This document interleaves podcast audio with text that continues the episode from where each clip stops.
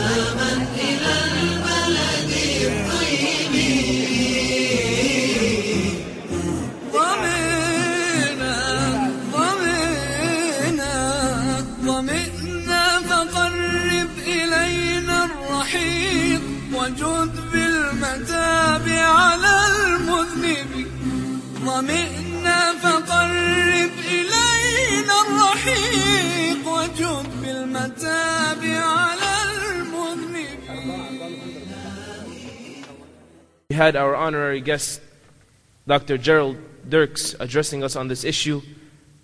And now we begin until 6.20 with Brother Yusuf Brandon Toropov. Mr. Brandon Toropov is an American writer. He is the author of several religious guides, including Beyond Mere Christianity, A Complete Idiot's Guide to the Quran, The Complete Idiot's Guide to the World Religions, after converting to Islam on March 20th, 2003, Mr. Toropov began writing books on Islam for non Muslims and converts who wrote this, and reverts to Islam like himself. These books include The Complete Idiot Guide to the Quran and the influential Beyond Mere Christianity, which was written as a rebuttal to C.S. Lew- Lewis's Mere Christianity. It argues that the Christian Bible contains evidence of Islam and Muslim beliefs. It also discusses the status of Jesus in those verses, peace be upon him, that are regarded as the oldest. So, without any further ado, and before we stop for our intermission and some refreshments, and the Muslims that need to make Salatul Maghrib, we have Mr. Brandon Toropov. أعوذ بالله من الشيطان الرجيم بسم الله الرحمن الرحيم الحمد لله رب العالمين السلام عليكم I'll bet you can't guess what I have in my pockets. I brought candy. Some candy. For the sisters. Who wants one? Okay, very good. Alhamdulillah. Um, so, it's great to be in New York. Uh, I come to you today as a representative of a strange and foreign nation, Red Sox Nation. Know, we had the World Series last night, and they wrapped that up, and it put me in mind of a trivia question I wanted to begin today's talk with. I wanted to see if anybody here could name the biggest postseason choke in the history of Major League Baseball. Anybody here can name it? Yes, brother. That would be the New York Yankees. Thank you very much. Give them a hand. All right, bravo. Okay. I didn't come here to talk about baseball. Uh, I came here to speak about uh, a question that I get all the time. Uh, and that question summed up in a single word why? W H Y, why? Uh, after the horrible events of 9 11, a very strange thing happened. Many, many native born Americans began turning to Islam. And this is a, a, a full disclosure here. I'm, I'm one of those Americans. And if time permits, I'll, uh, I'll give some background of how I, how I came to the deen. But uh, for those of us who took on uh, Islam, who took Shahada after that horrific day, we are faced with questions that I think people who are born Muslim uh, in this country do not necessarily face. We have questions from people who are very close to us, who love us, who, who care for us, and who followed us for our entire lives. And they'll sit us down, they'll give us a cup of coffee, and they'll look us in the eye and they'll say, Why? Why are you doing this? Don't you realize that these people uh, attacked our country? Explain to me why. So, th- what follows these remarks I'm going to share with you today are my best effort, inshallah, to give an answer to that question that's responsible.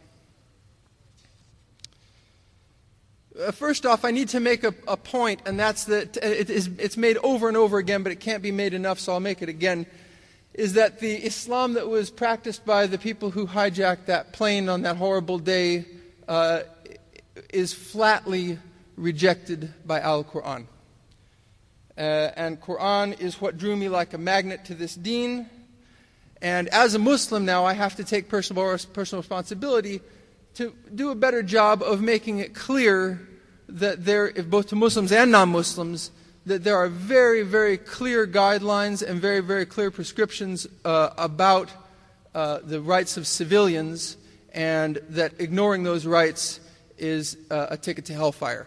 So, this is a thing that we have not done a very good job of, uh, maybe I personally have not done a very good job of communicating, and I want to start, especially reach out to the non Muslims in the audience tonight and let them know that that's something that we're committed to, to getting that message out. There's something else that we don't do, uh, in my personal view, as, as good a job of as we could.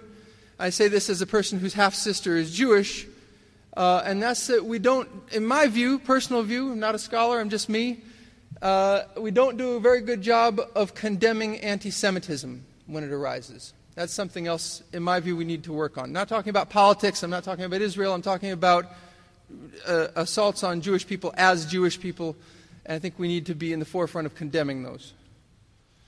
Now, the third thing that the PR people in the machine, the spin machine, the CNN machine says that we don't do a good job of is the way we treat our women. Uh, and the way women are, are regarded in Islam and the way they're, hand, they, they're, uh, they're, they're uh, dealt with and the status that they hold in Islam. And the beautiful thing about an event like this is you don't have to listen to me for any non Muslims in the audience, all I would ask you to do on the break or any intermission, you've got a bunch of sisters here in the room. If you have this perception that women have a secondary status in Islam, if you have this perception that they are oppressed, if you have this perception that they haven't uh, gotten to the same status uh, as a man, all you have to do tonight is find one of these sisters and ask her if that's how she feels. So if that is your belief, I would beg you tonight to do that. Take the opportunity with real sisters in there. I've never met any of these people before. Take the opportunity this evening, speak to one of the sisters, and ask her, Do you feel you're oppressed by this religion? I will guarantee you her response will be more eloquent and more powerful and more convincing than mine will. So that's that. So, this question we get this question why? Why did you do this? Why would you change your life? Why would you turn anything upside down? Um, I want to submit to you that it's possible that people like me were drawn to Islam after 9 11 because there is something authentically American about Islam.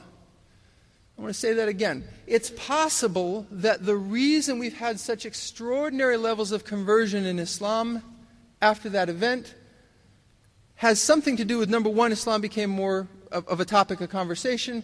And number two, upon close examination of Islam, people found that there's something authentically American about Islam. I want to share what those, those points might be. Uh, to give you a little background on where I'm going with some of this stuff, I want to share with you, uh, the New Yorkers would be familiar with this example of the strategy by which uh, Rudolph Giuliani reduced the crime in New York City. And this does connect to our topic, but bear with me for a moment. he made a very important choice in uh, how to attack the crime problem in New York City by changing the social atmosphere in which people operated. He cracked down on things like graffiti and toll jumpers at the subway stations. And he, he made a big deal about broken windows. People familiar with this strategy? This had a, a very powerful effect on crime in New York City. It brought it down because the people in the environments, the public environments that they were in, they saw that this was a, a place that people took respect in, and they withheld their impulse to commit a crime. A small thing like keeping the toll jumper from jumping the tolls had actually an effect on a big thing like armed robbery. So there's a word for that feeling about that you wouldn't commit something because other people are watching and because it's the kind of place where a community level is at a certain point. And it's an old fashioned word. I'll share it with you now. I believe that the Giuliani, Giuliani policy worked because of an old fashioned word called shame. If you walk into a turnstile, if you walk into a subway station and you see someone being arrested for something like jumping a turnstile, you realize it's a shameful act. If, you, if you're in a, a neighborhood that was previously distraught and you see somebody cleaning up, fixing the windows, erasing the graffiti, making a community effort, you will feel shame to degrade that neighborhood. And this internal manifestation of how we felt about ourselves in New York City had an effect on the crime rate in New York City. So, what does this have to do with um, Islam? What does this have to do with America? I want to share with you some of the ways in which our country has changed, and maybe not for the better, in the past 50 to 75 years. And this notion of shame as a, as a powerful uh, impetus is, is part of what I want to talk about the brother before me spoke eloquently about the idea of gambling. Uh, most people don't know, or maybe it's easy to forget now, that for most of our history in this country, gambling was a very shameful activity. It was publicly not just frowned upon, there were, there were huge uh, outcries against people who gambled in American communities in the 19th century. As a matter of fact, we're familiar with this phrase, uh, somebody's a riverboat gambler. People have heard that phrase about it being a riverboat gambler. You've seen that one?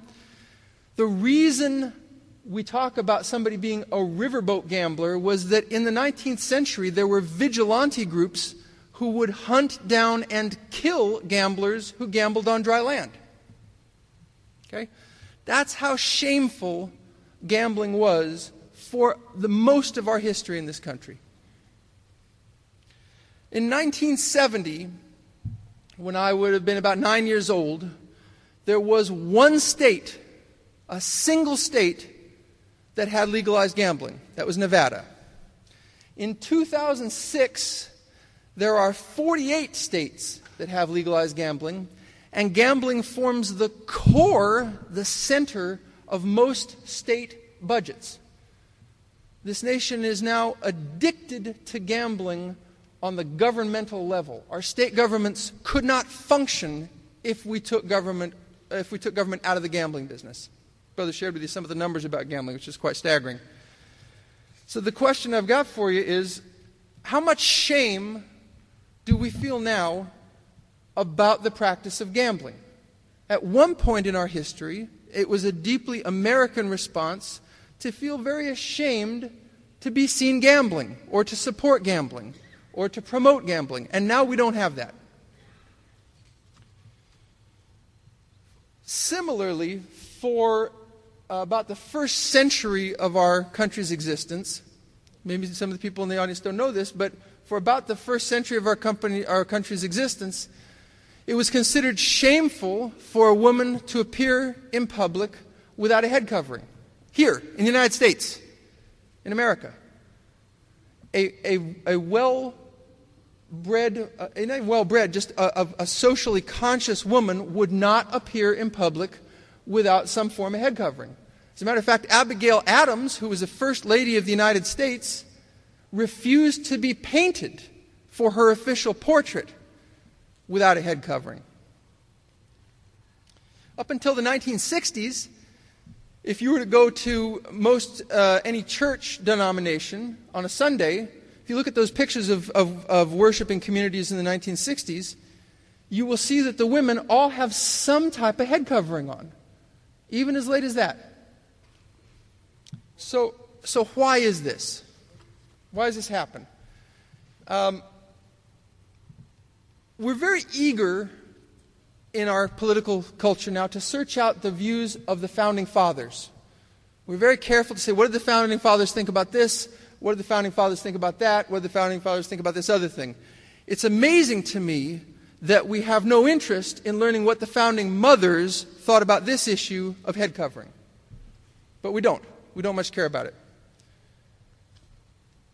A lot of people say when this issue comes up, they go, you know what? Times change. People change. It's true, times do change sometimes, but they don't always change for the better. For as long as anybody can remember, the Amish and the Mennonites have held the custom of a woman covering her hair in public to be divinely ordained. That's their belief. And it doesn't make them un American. It doesn't start protests. It doesn't start people uh, asking whether they're making some provocative statement. They're Americans, they're Amish, they believe this, it's their God, it's okay.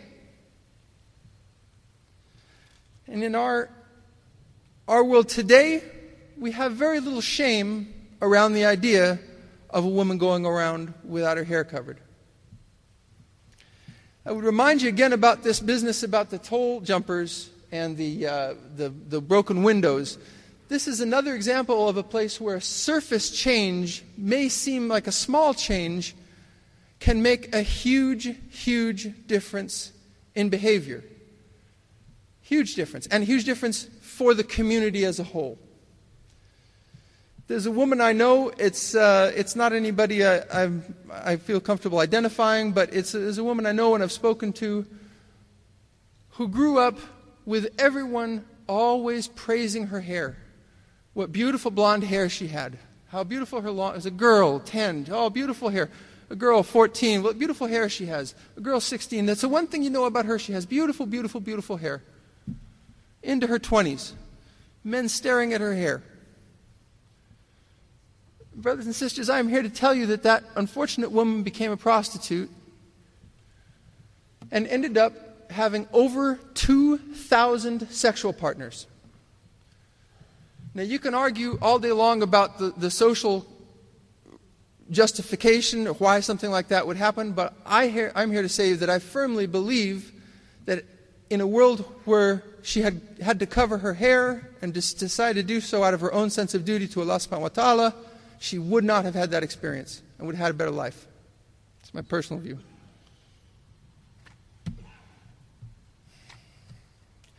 For most of our history, moving on to another topic, for most of our history, the idea of having sex outside of the marriage bond was a shameful idea. Not just a, an unpopular idea, not just a uh, socially inconvenient idea, but a shameful idea. And today it's not that way. Today we hear a lot of uh, very self flattering talk about relationships, quote unquote relationships. Not so long ago, think about World War II, our history in World War II. There was a big uh, explosion of marriages in the early 40s as women and men decided to get married right before the men went off to war. That's, you know, 50, 60 years ago. These days, there's not a lot of concern about let's get married before somebody goes off to war because some ridiculous, something like one out of every three babies are born to unwed mothers, or something like that. Uh, today in America, my view, people drown in, quote, relationships, unquote. Relationships are a transitory thing. Relationships are how you identify yourself. Relationships are your, you know, your social uh, discussion. Even intimate aspects of your relationship, we'll put that on a talk show. Well, relationships may pass and come and go. But the problem with being human is that the children who arise out of those relationships have a way of sticking around. And for a large portion of our history, we knew that was a negative. And we were ashamed when this phenomenon of the sexual relationships outside the, relation, outside the marriage bond happened. Now we don't have that, and I would submit that there's not only a damage to the institution of marriage as a result of that change in the way we're looking at things, there's not only damage to the children involved in these relationships, there's a larger damage to us, everybody here in the room. There's a larger damage to the social fabric as a whole when one out of every three babies is born to an unwed mother.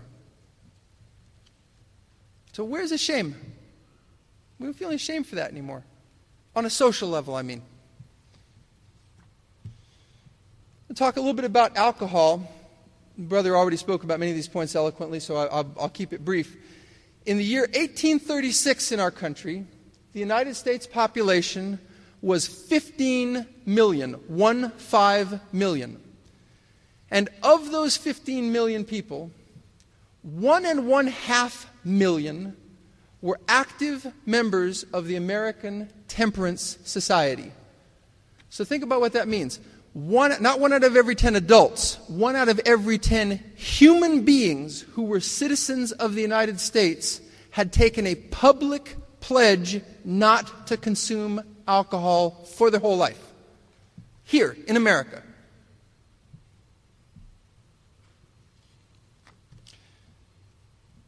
And you know who, what they called those people who, who had taken this pledge back in those days? They had a special name for them. They called them home defenders.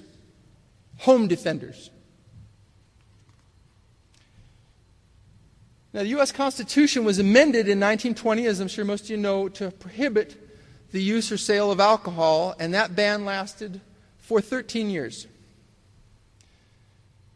And when that ban was repealed in 1933, many people who still supported that ban argued that Satan had undermined the citizenry of this country. Now, as someone who has had firsthand experience with what alcohol can do to a family, uh, I'm an adult child of an alcoholic.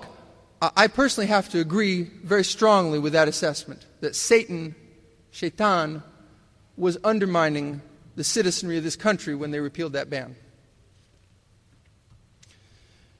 We now have estimates that approximately 3 million American teenagers are out and out alcoholics. We have 300 million people, 3 million teenagers are serious alcoholics.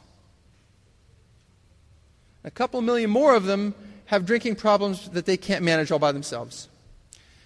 In our country today, in the United States, the leading causes of death among 15 to 24 year olds are auto crashes, homicides, and suicides.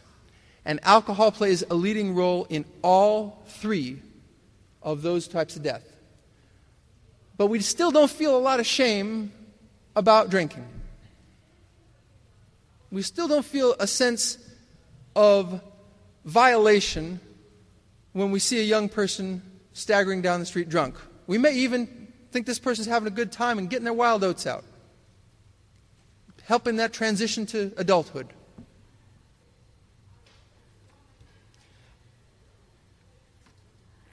Now, I'm not asking you where, whether you're alarmed or saddened or, or concerned by this trend in our, in our culture. I'm asking you to go a little deeper than that. I'm asking you to think about the role that shame may have played at one point in our history to keep our nation on course.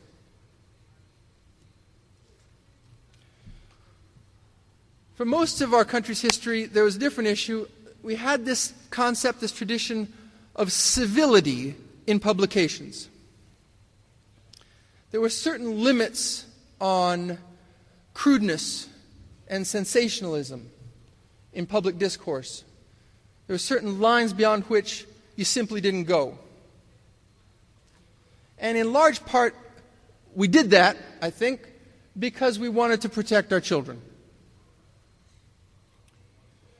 When I was about 10 years old, uh, in the early 70s, any direct, specific reference to human sexuality on television, on radio, or in a printed newspaper was unthinkable. That's not that long ago, but it's a very different era from where we live now. I had the experience not long ago of speaking to a six year old girl whose family made a habit of listening to hip hop music. And there was a, uh, a particularly lewd and suggestive hip hop song that came on and was apparently a favorite in the family.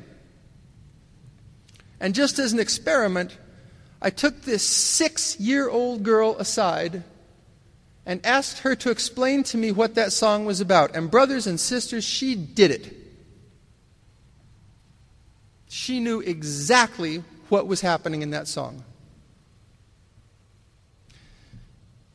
And I want to ask you again if there's a point at which we're willing to feel ashamed of that. I'm not asking you whether you think that's wrong. I'm not asking you whether you think it's acceptable. I'm asking you whether you think there'd be a social purpose, a moral purpose, to feel a sense of shame in our society when a six year old girl can talk to me about the kinds of things that were in that song. Where, where are we going with all this? This is a trend. With these kinds of things I've been talking about, it's not a coincidence that they're all headed in the direction that they're headed. Where are we going with this stuff? I want to ask if when we have these kinds of processes in our culture, if we're going actually toward America or away from America.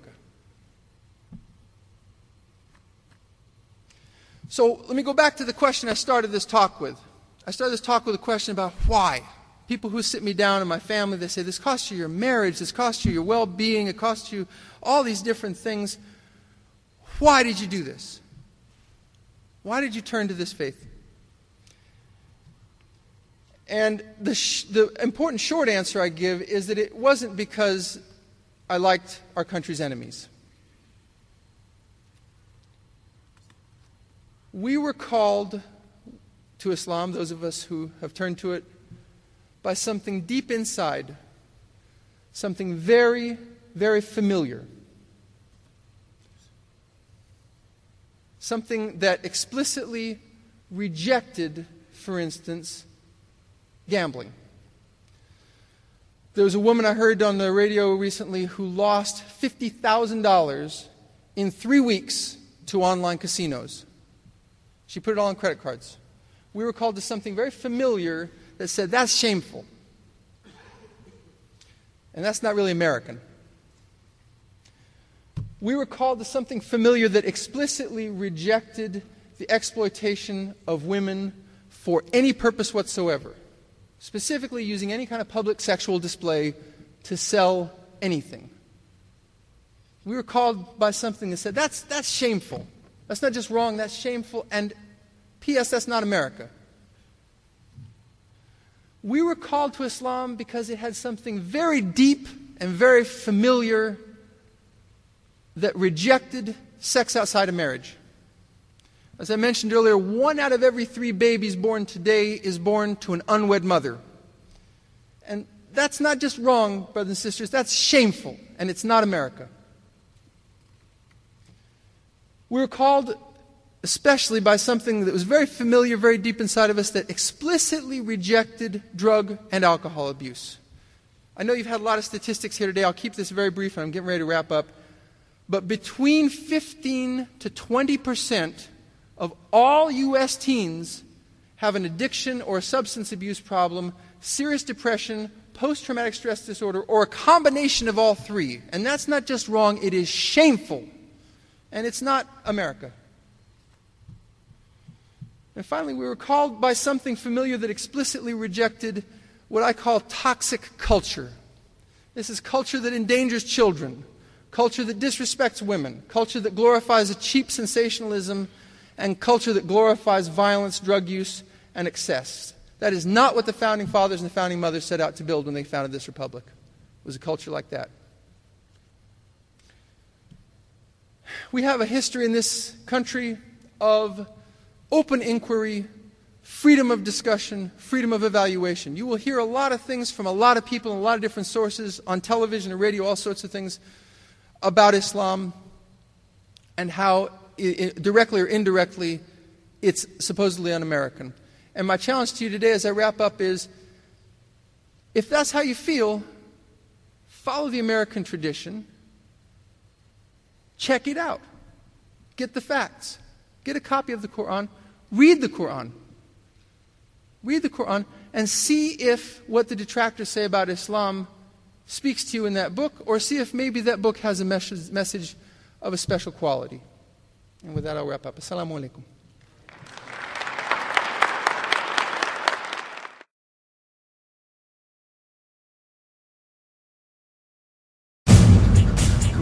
Over 100,000 people die every year directly related to alcohol.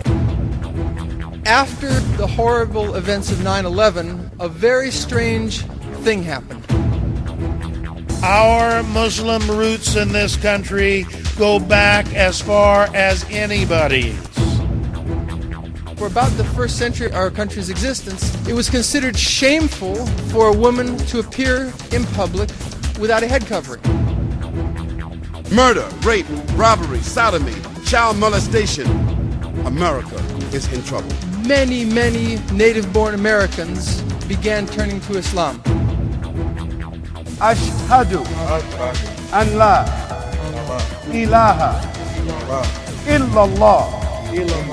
That people like me were drawn to Islam after 9 11 because there is something authentically American about الإسلام. حبيبي حبيبي حبيبي حبيبي. أنت رحماني. أنا إن تبت مناني وإن أذنبت رجاني وإن أدبرت ناداني وإن أقبلت أدناني وإن أحببت والاني وإن أخلصت ناجاني. وإن قصرت عافاني وإن أحسنت جازاني حبيبي أنت رحماني. إن تبت مناني وإن أذنبت رجاني وإن أدبرت ناداني وإن أقبلت أدناني. وإن أحببت والاني. وإن أخلصت ناجاني وإن قصرت عافاني وإن أحسنت جازاني حبيبي أنت رحماني. إن تبت مناني وإن رجاني وإن أدبرت ناداني وإن أقبلت أدناني. إليك الشوق وأنت قديم إحساني وما كنت على هذا. إله الناس تنساني. لدى الدنيا وفي العقبى على ما كان من شاني حبيبي. أنت رحمن. أعوذ بالله من الشيطان الرجيم. بسم الله الرحمن الرحيم. الحمد لله رب العالمين والصلاة والسلام على النبيين والمرسلين وعلى أفضلهم محمد بن عبد الله صلى الله عليه وآله وصحبه ومن والاه. After seeking refuge and protection Allah from shaitan, the devil, the rejected, the cursed, in the name of Allah, the most gracious, the most merciful. All praise and glory belongs to Allah, Lord of the heavens and the earth, and all that is in them, and all that is between them, and all that we know and all that we know not. And we ask Allah to send His finest, most abundant, most beautiful peace and blessings upon His messengers and His prophets that He sent to guide and teach humankind And with that, we welcome our brothers and sisters in Islam with the greeting of Islam. Assalamu alaikum wa rahmatullahi wa barakatuh. Still asleep. And our honored guests, we hope that tonight will be a night of eye opening, educational, informative, enlightening words that can keep us thinking tonight and for the days to come. The Message International, a non for profit organization dedicated to bridging the gap between correct, pristine understanding of Islam and America and the American people, presents to you the first of our series of lectures venued with the title Islam and America. Islam and America, Problems and Solutions. Islam and America, what do these two terms have in common? Are they compatible or are they conflictual? Islam is the fastest growing faith system in North America and in the United States today. There is no question about this. There are 1.6 billion Muslims all across the globe, and there are already 8 to 10 million in North America. And as a direct result of the 9 11 tragedy and several international conflicts, Islam and Muslims have been severely distorted and misunderstood. What is the truth? America is the world's superpower and the most advanced country in the world. Its citizens enjoy a higher quality of life and social privileges than nearly every other society on earth. Yet a provocative foreign policy has stained its international image. And on the domestic front, it is facing many critical challenges which are a cause for every American to be concerned for the future. To begin, and without any further ado, and Dr. Jerald F. Dirks.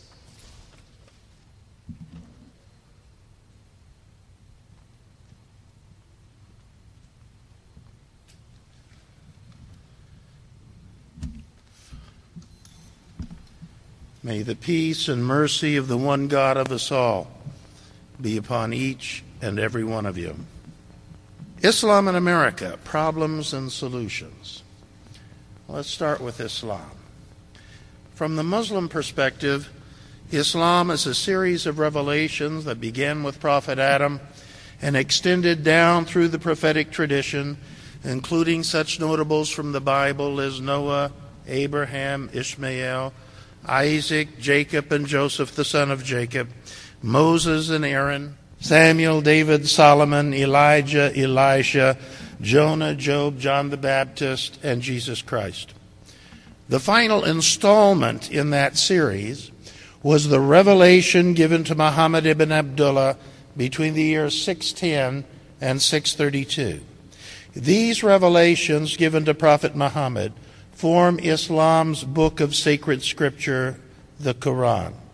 And the Quran serves as one of the two main foundations of Islam, the other foundation being the Sunnah, the religious teachings and behavioral example of Prophet Muhammad. Based upon the Quran and the Sunnah, the core beliefs of Islam may be boiled down to the six articles of faith. These articles of faith are fairly simple and straightforward and are usually summarized as follows 1. Believing in the one God of all mankind, an exacting monotheism that leaves no room for the attribution of associates or for the formulation of Trinitarian doctrines. Two, belief in the prophets and messengers of God specifically including all those mentioned in the Quran. Three, belief in the books of revelation of God, those books of revelation sent by God to mankind, including those mentioned in the Quran as being given to Abraham, Moses, David, Jesus Christ, and Muhammad. Four, belief in the angels of God. Five, belief in, a, in an eventual day of judgment in which proper belief is a necessary but not sufficient criterion for salvation, with the final determination devolving upon a combination of a person's earthly behavior and the mercy of God. And six, belief in a theological construct that combines the absolute foreknowledge of God, natural law as a manifestation of divine decree, and the omnipresent possibility of divine intervention. This last article of faith has sometimes been erroneously presented in the West as representing a fatalistic predestination, which it most assuredly does not. Islam may be further understood by examining its teachings along a vertical axis that concerns man's relationship with God and along a horizontal axis that refers to man's relationship with his fellow man. With regard to Islam's vertical axis, the teachings of the Quran are very clear. And your God is one God.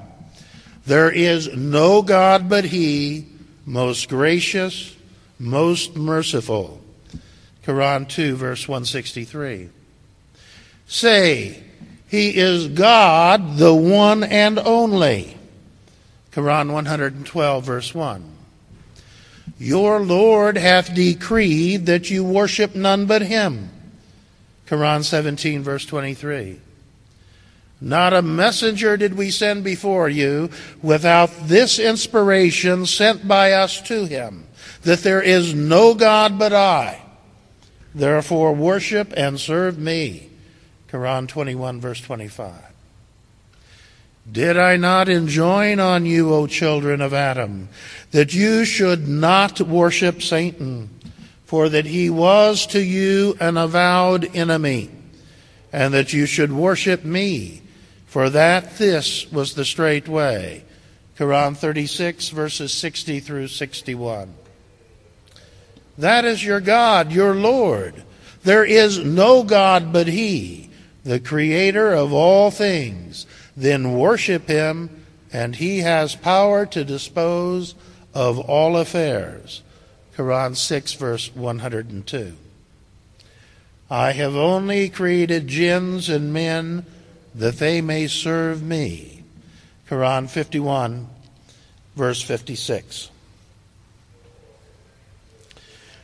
With regard to man's relationship to man, the teachings of Islam are equally clear and many of them have important parallels with biblical instructions. Your Lord has decreed that you be kind to parents, whether one or both of them attain old age in your life.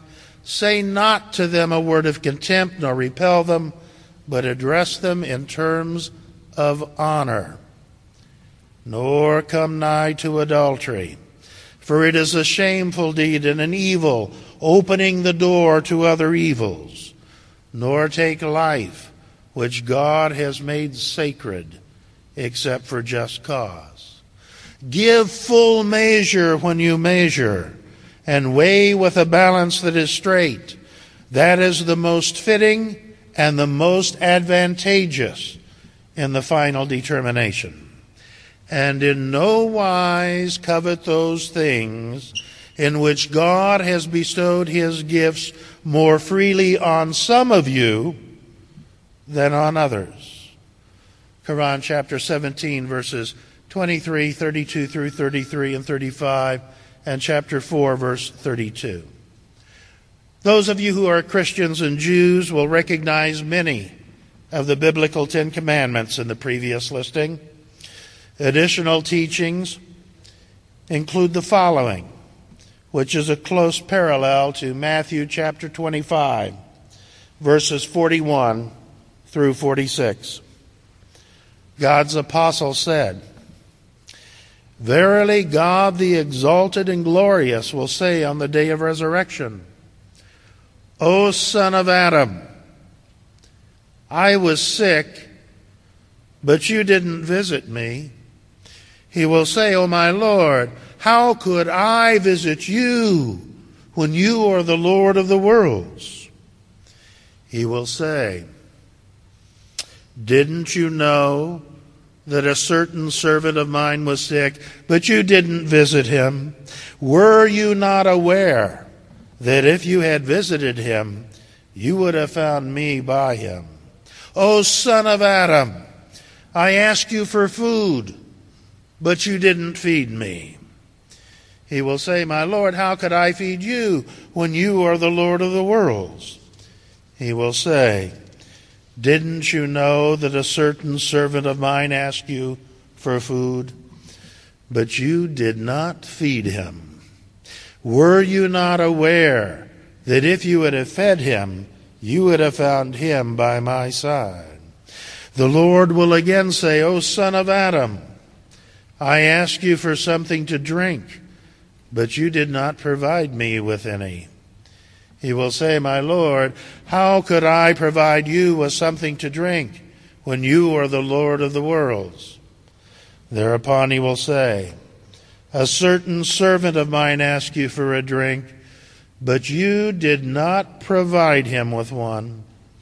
Had you provided him with a drink, you would have found him near me.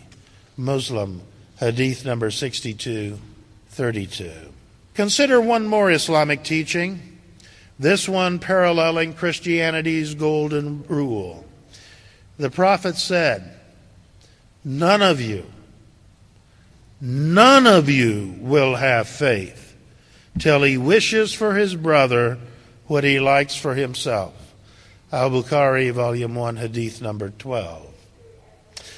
However, it is not just that Islamic teaching regarding human relationships parallel the Bible. They also foreshadowed American ideals as stated in the Declaration of Independence and in the United States Constitution. We hold these truths to be self evident that all men are created equal, that they are endowed by their Creator with certain unalienable rights, that among these are life, liberty, and the pursuit of happiness. Declaration of Independence, July 1776. All men are created equal. Those are eloquent words and lofty ideals. Yet, sadly, that same Declaration of Independence goes on just two paragraphs later to refer to, and I quote, the merciless Indian savages, unquote.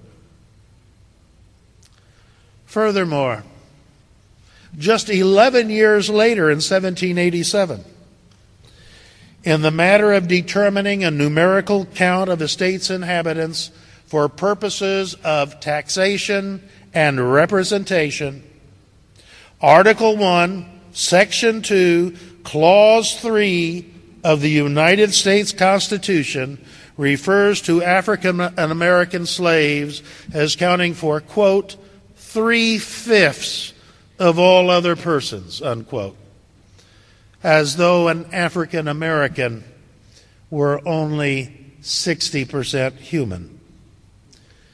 Despite the lofty ideals of the Declaration of Independence, in stating that all men are created equal.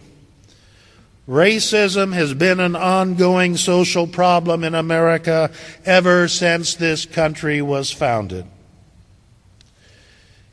Islam foreshadowed the Declaration of Independence's lofty sentiments that are all men are created equal, and did so over 1,100 years before that declaration was penned. Consider the following Quranic passage O mankind, we created you from a single pair of a male and a female, and made you into nations and tribes that you may know each other, not that you may despise each other. Verily, the most honored of you in the sight of God is he who is the most righteous of you. Quran 49, verse 13. As the above Quranic verse indicates, racism and ethnic bigotry are prohibited within Islam. One's particular ethnicity or race can never be the basis by which one is enslaved and must never be the basis for any bigotry or prejudice. This Islamic prohibition against ethnic and racial prejudice is made even more strongly in Prophet Muhammad's sermons during his farewell pilgrimage to Mecca, during which he instructed Muslims to obey a black skinned slave if the slave followed the dictates of the Quran, and during which he referred to the above quoted Quranic verse. O people, listen and obey.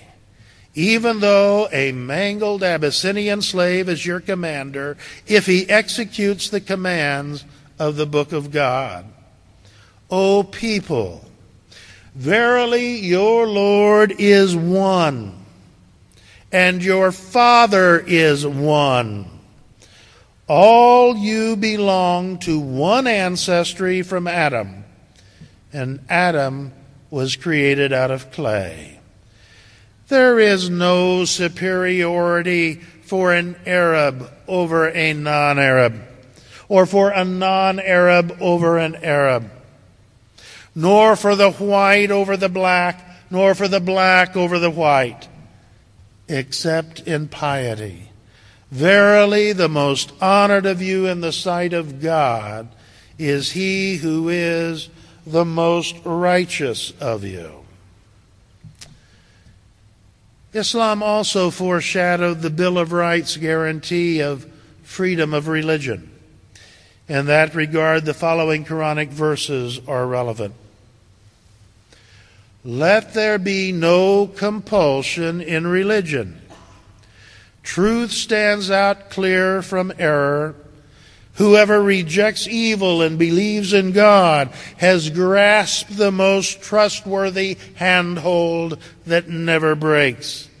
And God hears and knows all things. Quran 2, verse 256. Let there be no compulsion in religion. These words of the Quran are clear and unambiguous. There is to be complete freedom when it comes to an individual's religious choice. He must be free to accept Islam or to reject it.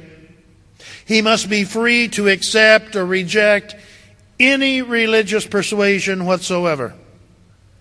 Freedom of religious choice is a cardinal tenet of Islam and is a concept that must be upheld by every devout Muslim. Truth stands out clear from error, and each individual must have the right to view that dichotomy as he or she wills. As the following verses from the Quran indicate, not even Prophet Muhammad, peace be upon him, was allowed to compel non Muslims to become Muslims. Because, quote, no soul can believe except by the will of God. Prophet Muhammad was to, quote, admonish with the Quran and he was to, quote, proclaim the message clearly and openly. But he was not to force any individual to convert to Islam. If it had been the Lord's will, they would have all believed, all who are on earth. Will you then compel mankind against their will to believe? No soul can believe except by the will of God. Quran 10, verses 99 through 100. We know best what they say, and you are not one to overawe them by force. So admonish them with the Quran, such as fear my warning. Quran 50, verse 45. Say, the truth is from your Lord. Let him who will believe, and let him who will reject it. Quran 18, verse 29. These same Quranic dictates continue to apply to all Muslims for all time. A Muslim is directed to admonish with the Quran and to proclaim the message openly and freely. But he is never to compel mankind against their will to believe. And he is to let him who will believe and let him who will reject it. Correct adherence to Islam demands that Muslims affirm religious freedom for all people. One of the things that the organizers of this event wanted me to address was the issue of problems and challenges facing Muslims in America. Before doing that, I should point out that Muslims in America are allowed to practice Islam more freely and more openly than in many so called Muslim countries around the world. For that freedom, we are grateful to America and to American society. However, it is also true that there are some special challenges for Muslims in America. The first problem is that so many Americans want to see Muslims as being somehow not part of the fabric of American identity, history, and heritage. They seem to believe that Muslims are Johnny come latelys on the American scene, and that Islam first entered America in the latter half of the 20th century. The truth is far different from that perception. We Muslims have a long and glorious history in America that stretches back across the centuries to before this country was even founded. Muslims and Moriscos, that is, Muslims who publicly converted to Christianity due to religious persecution in Catholic Spain, but who usually continued to practice Islam privately and at home. Muslims and Moriscos sailed with Columbus in 1492. Examples would include Pedro Alonso Nino, Martin Pinzon, the captain of the Pinta, Vicente Pinzon, the captain of the Nina, and Francisco Pinzon, the pilot of the Pinta. Muslims such as Mustafa Zamori of the D. Expedition to Florida, and Nuflo de Olano of the Balboa expedition were here with the Spanish conquistadors. Muslims such as Kunta Kinte made up approximately 20 to 30 percent of all the enslaved Africans brought to these shores and helped build the agricultural base of the American South. Muslims such as Yusuf bin Ali fought for American independence from Great Britain during the Revolutionary War. In fact, Ali was one of the first to volunteer for General Thomas Sumter's brigade, where he served as a scout throughout the duration of the war. Muslims such as Bilali Muhammad and 80 of his fellow enslaved Muslims stood armed and ready to defend the American coastland against British invasion in the War of 1812. Muslims like Muhammad Ali ibn Said of Company I of the 55th Regiment of the Massachusetts Colored Volunteers fought to preserve the Union during the Civil War. Muslims such as Haji Ali, better known in Western folklore as Hi Jolly, helped tame and settle the American Southwest in the latter half of the 19th century.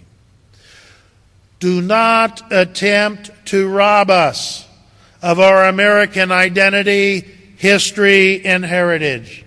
Our Muslim roots in this country go back as far as anybody's. We Muslims are part of the basic history and identity of America. A second problem facing Muslims in America is the frequency with which our religion of Islam is so horribly distorted and slandered, occasionally by the mainstream media, but most frequently over the internet.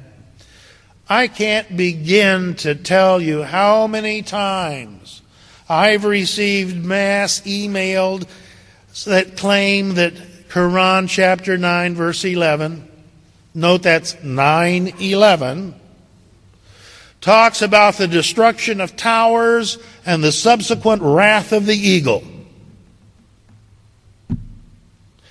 In point of fact, Quran 9, verse 11 reads as follows, and I quote Nonetheless, if they repent, establish regular prayers, and practice regular charity, they are your brethren in faith. Thus do we explain the signs in detail for those who understand. No towers, no eagle. Not only does Quran 9:11 not refer to destroyed towers and the wrath of the eagle, there is not a single verse anywhere in the entire Quran that even remotely resembles such a statement. The entire claim is a complete fabrication from beginning to end.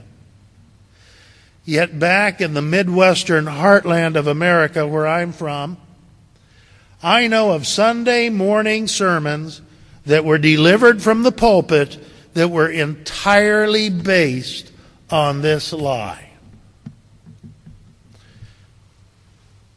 Unfortunately, time does not allow me to respond with chapter and verse quotations from the Quran and from the sayings of Prophet Muhammad to refute every slander now circulating about Islam.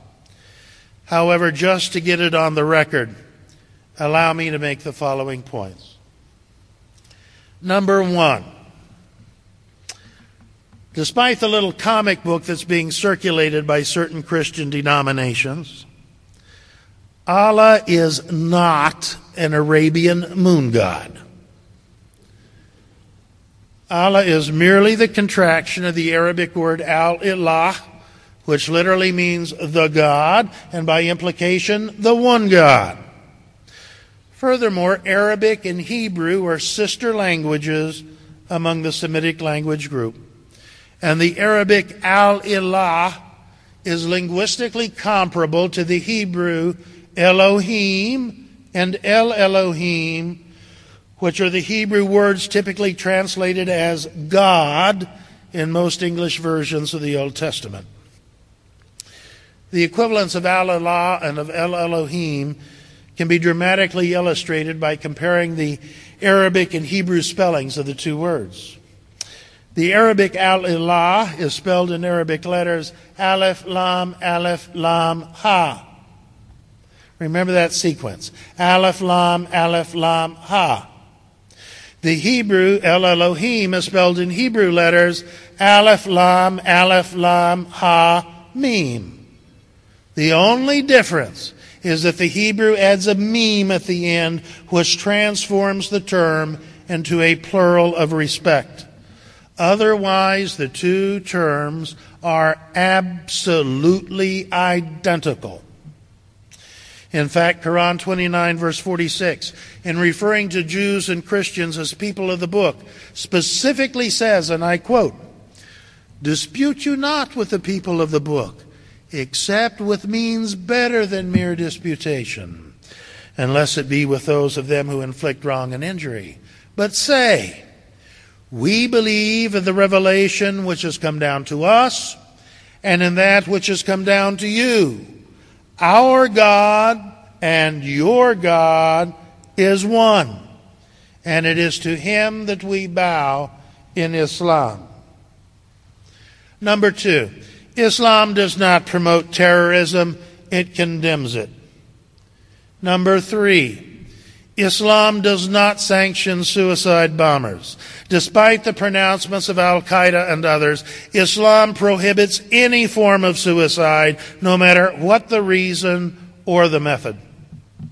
Number four, despite the despicable actions of some self professed Muslims in killing unarmed captives, Islam specifically prohibits the killing, torture, or neglect of prisoners and captives. All prisoners and captives are to be fed, clothed, and sheltered in a manner equivalent to that of the captors. Number five, Islam does not promote attacks against civilian non combatants, it prohibits them. Number six, Islam does not preach conversion by the sword. As already shown by numerous quotations from the Quran, Islam insists on religious freedom for all. Let there be no compulsion in religion. Quran 2, verse 256. Number seven, Islam does not mandate the killing of apostates from Islam.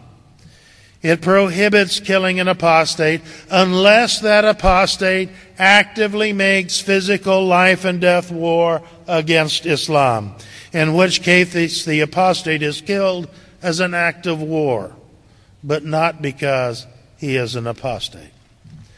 Number eight, Islam does not encourage polygamy.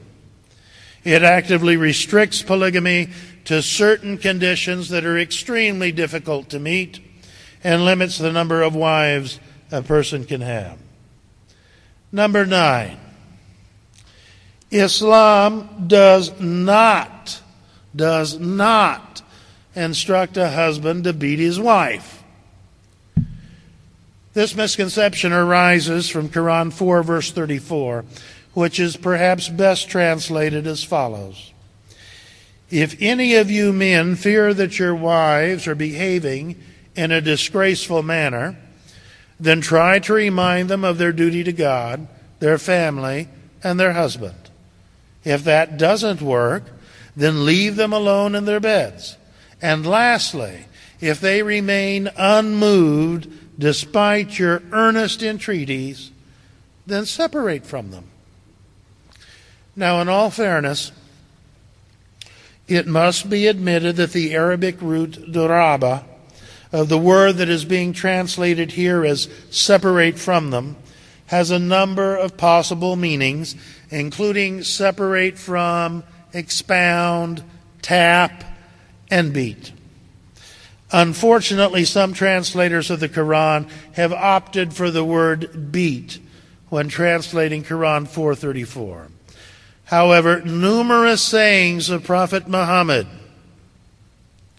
stress that one is not to beat one's wife, that one is forbidden to strike one's wife in the face, that one is prohibited from causing one's wife any physical pain.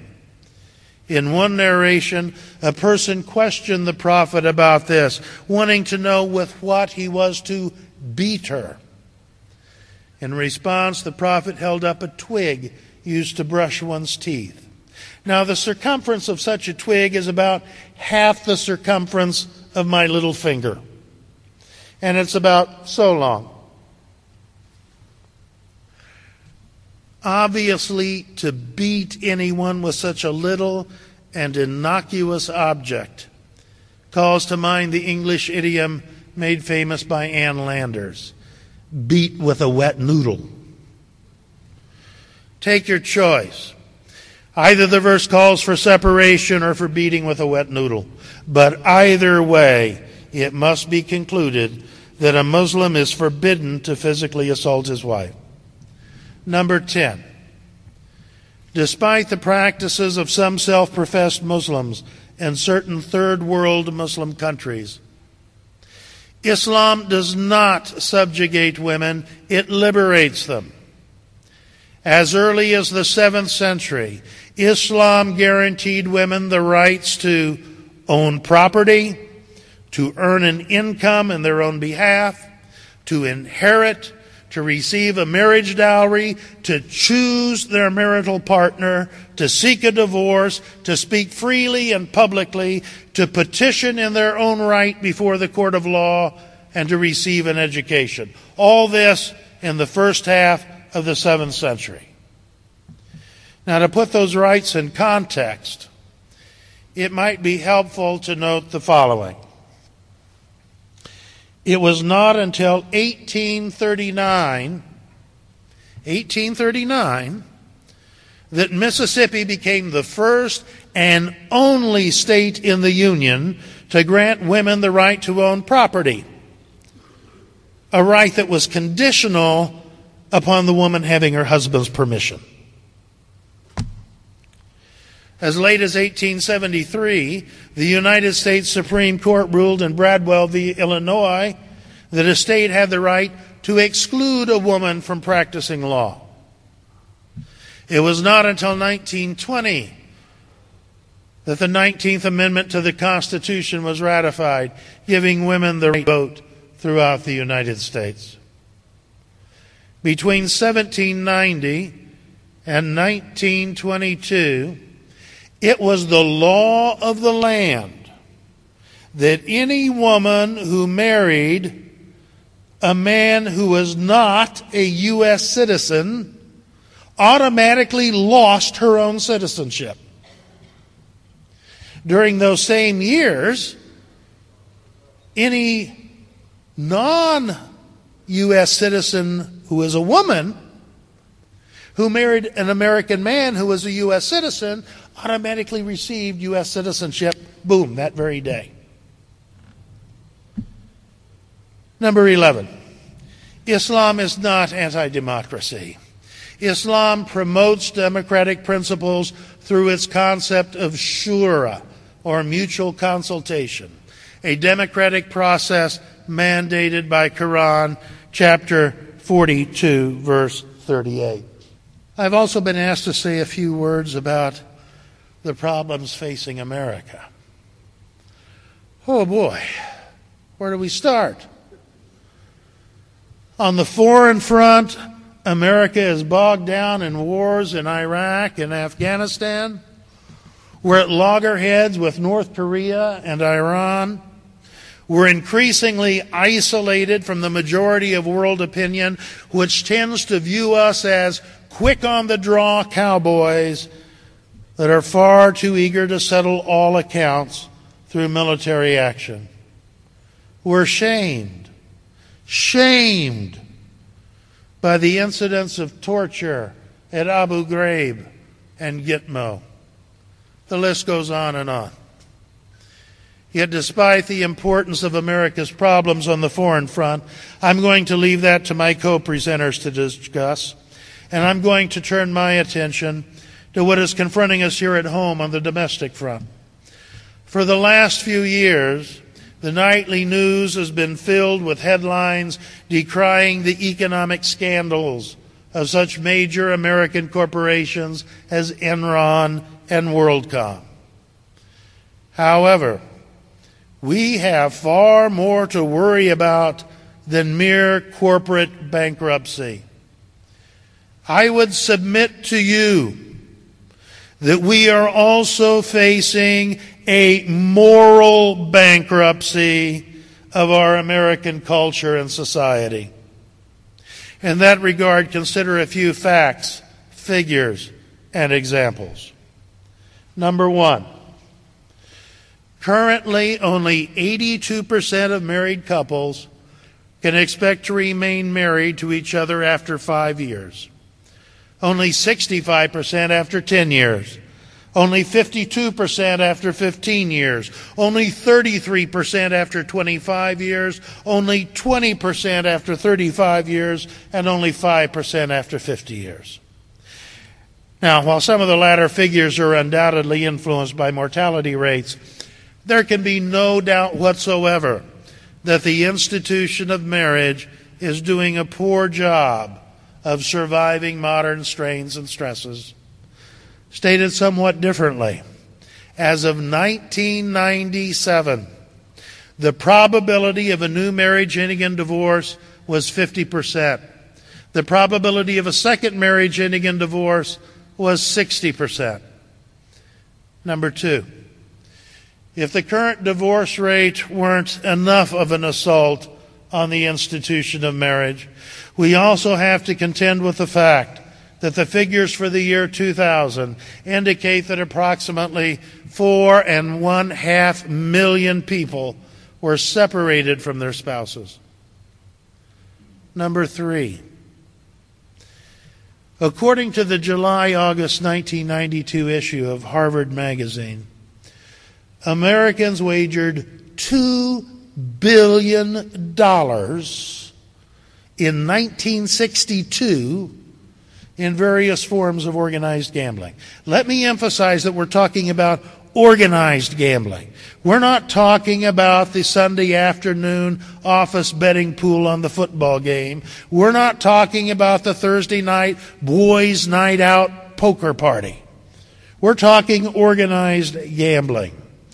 $2 billion wagered by Americans in various forms of organized gambling in 1962.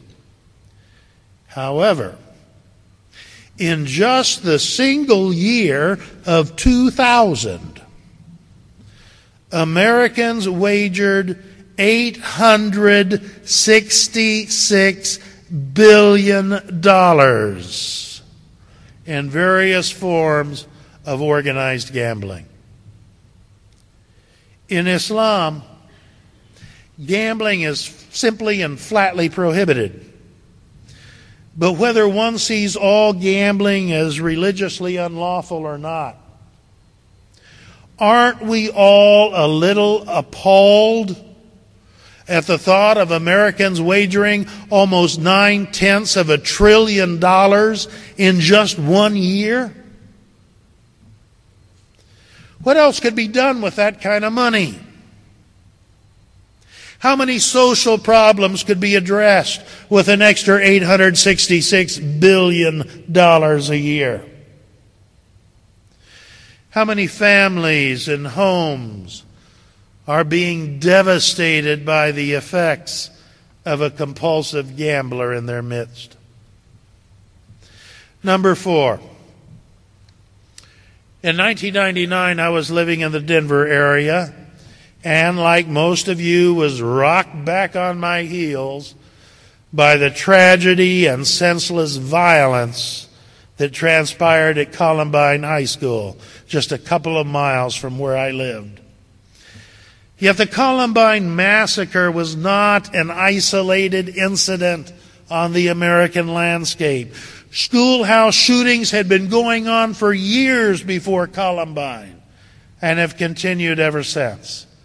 Just in the last two months, there have been four schoolhouse shootings of which I'm aware. Number five. According to Divorce Magazine, 27% of family households had only one parent in 1998, meaning that 20 million Americans under the age of 18 were living with just one parent in the family home. By 2002, 32% of all children under the age of 18 were living in a home with no parent or were living in a single family home, single parent home. In weighing those numbers, I'd like for you to consider the effects of a single parent home on the children.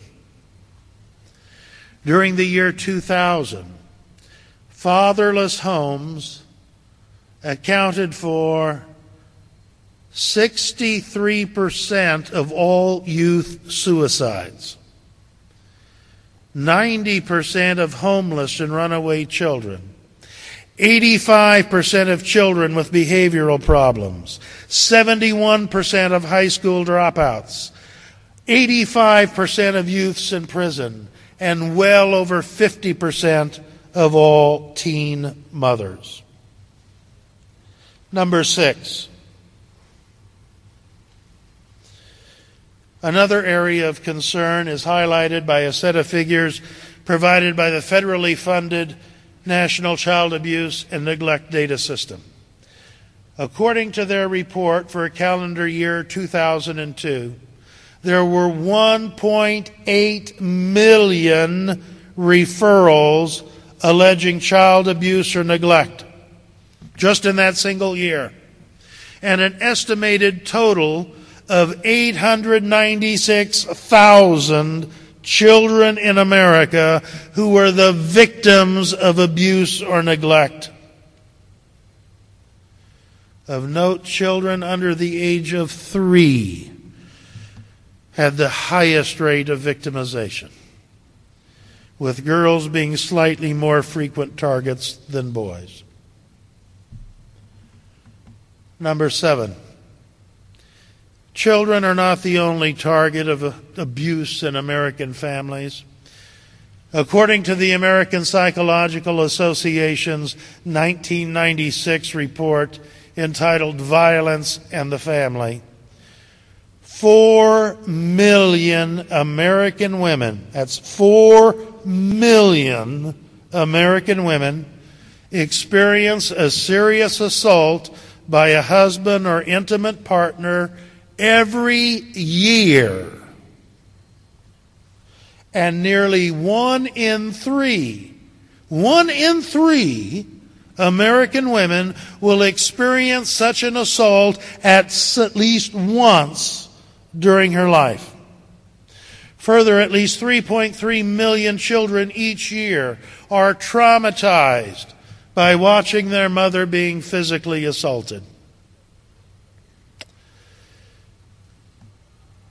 Finally, it should be noted that the 1997 estimates from the Bureau of Justice suggest that domestic violence accounts for fully 17%.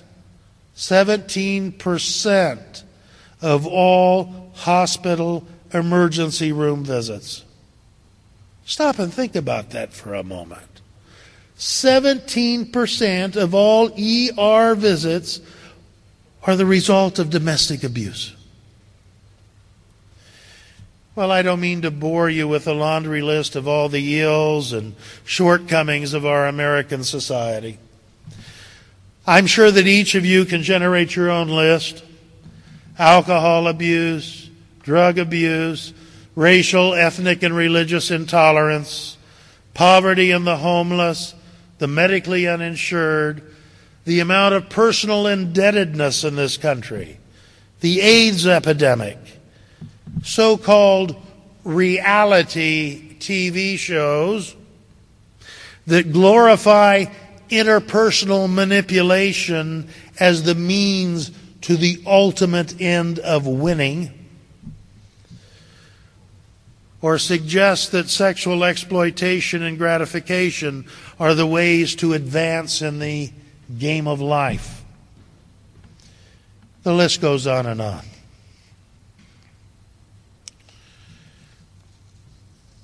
With regard to the aforementioned problems facing Muslims in America, it is obvious that we Muslims need to do more in setting the record straight. We need to be more proactive in educating our fellow Americans about the role and history of Muslims in America. We also need to be more active in combating the slanderous distortions of our own religion. God willing, today's event is a step in that direction. However, there is also something that those of you who are not Muslims need to do. You need to check your facts. Don't just take some email or pamphlet or talking head on television's word for it that this is what Islam is. Check it out. And the way to do that is to get hold of a good English translation of the Quran, such as that provided by Sahih International or Abdullah Yusuf Ali's translation, or most especially, Yahya Emerick's translation that's being published by Doubleday next year. Read it. I say this not in an attempt to proselytize, but in an attempt to get you to educate yourself. If you want to have accurate information on Islam, go to the source. Go to the Quran. Also, take the time to read an introductory book on Islam by a Muslim author. At the risk of self promotion, you might consider reading my own book, Understanding Islam, a guide for the Judeo Christian reader. With regard to the myriad social ills confronting America, we need to recognize that all Americans have common cause in combating these conditions. It doesn't matter whether we are Muslims, Christians, Jews, Hindus, Buddhists, atheists, or what have you. We are still Americans. And we do have a common cause to better American society. As such, we need to come together as Americans and start working together. Perhaps the place to start is by various communities of faith beginning to work together on the front of social welfare. Most especially, this means the Abrahamic faiths, Judaism, Christianity, and Islam, need to break down some of the barriers that separate them from each other. They need to put aside their differences for a while and begin focusing on and celebrating the immense common ground that they share. This is not to say that we give up or somehow compromise those doctrines and beliefs that are unique to our own religion. But it is to say that those differences are not the place to begin our interfaith dialogue. We need to begin with what we hold in common. We need to explore it and cherish it and celebrate it. Having done so, can't we then work together for the betterment of American society? We owe it to ourselves, we owe it to our country, and we owe it to our God. As to all that I have said, God knows best. Thank you very much.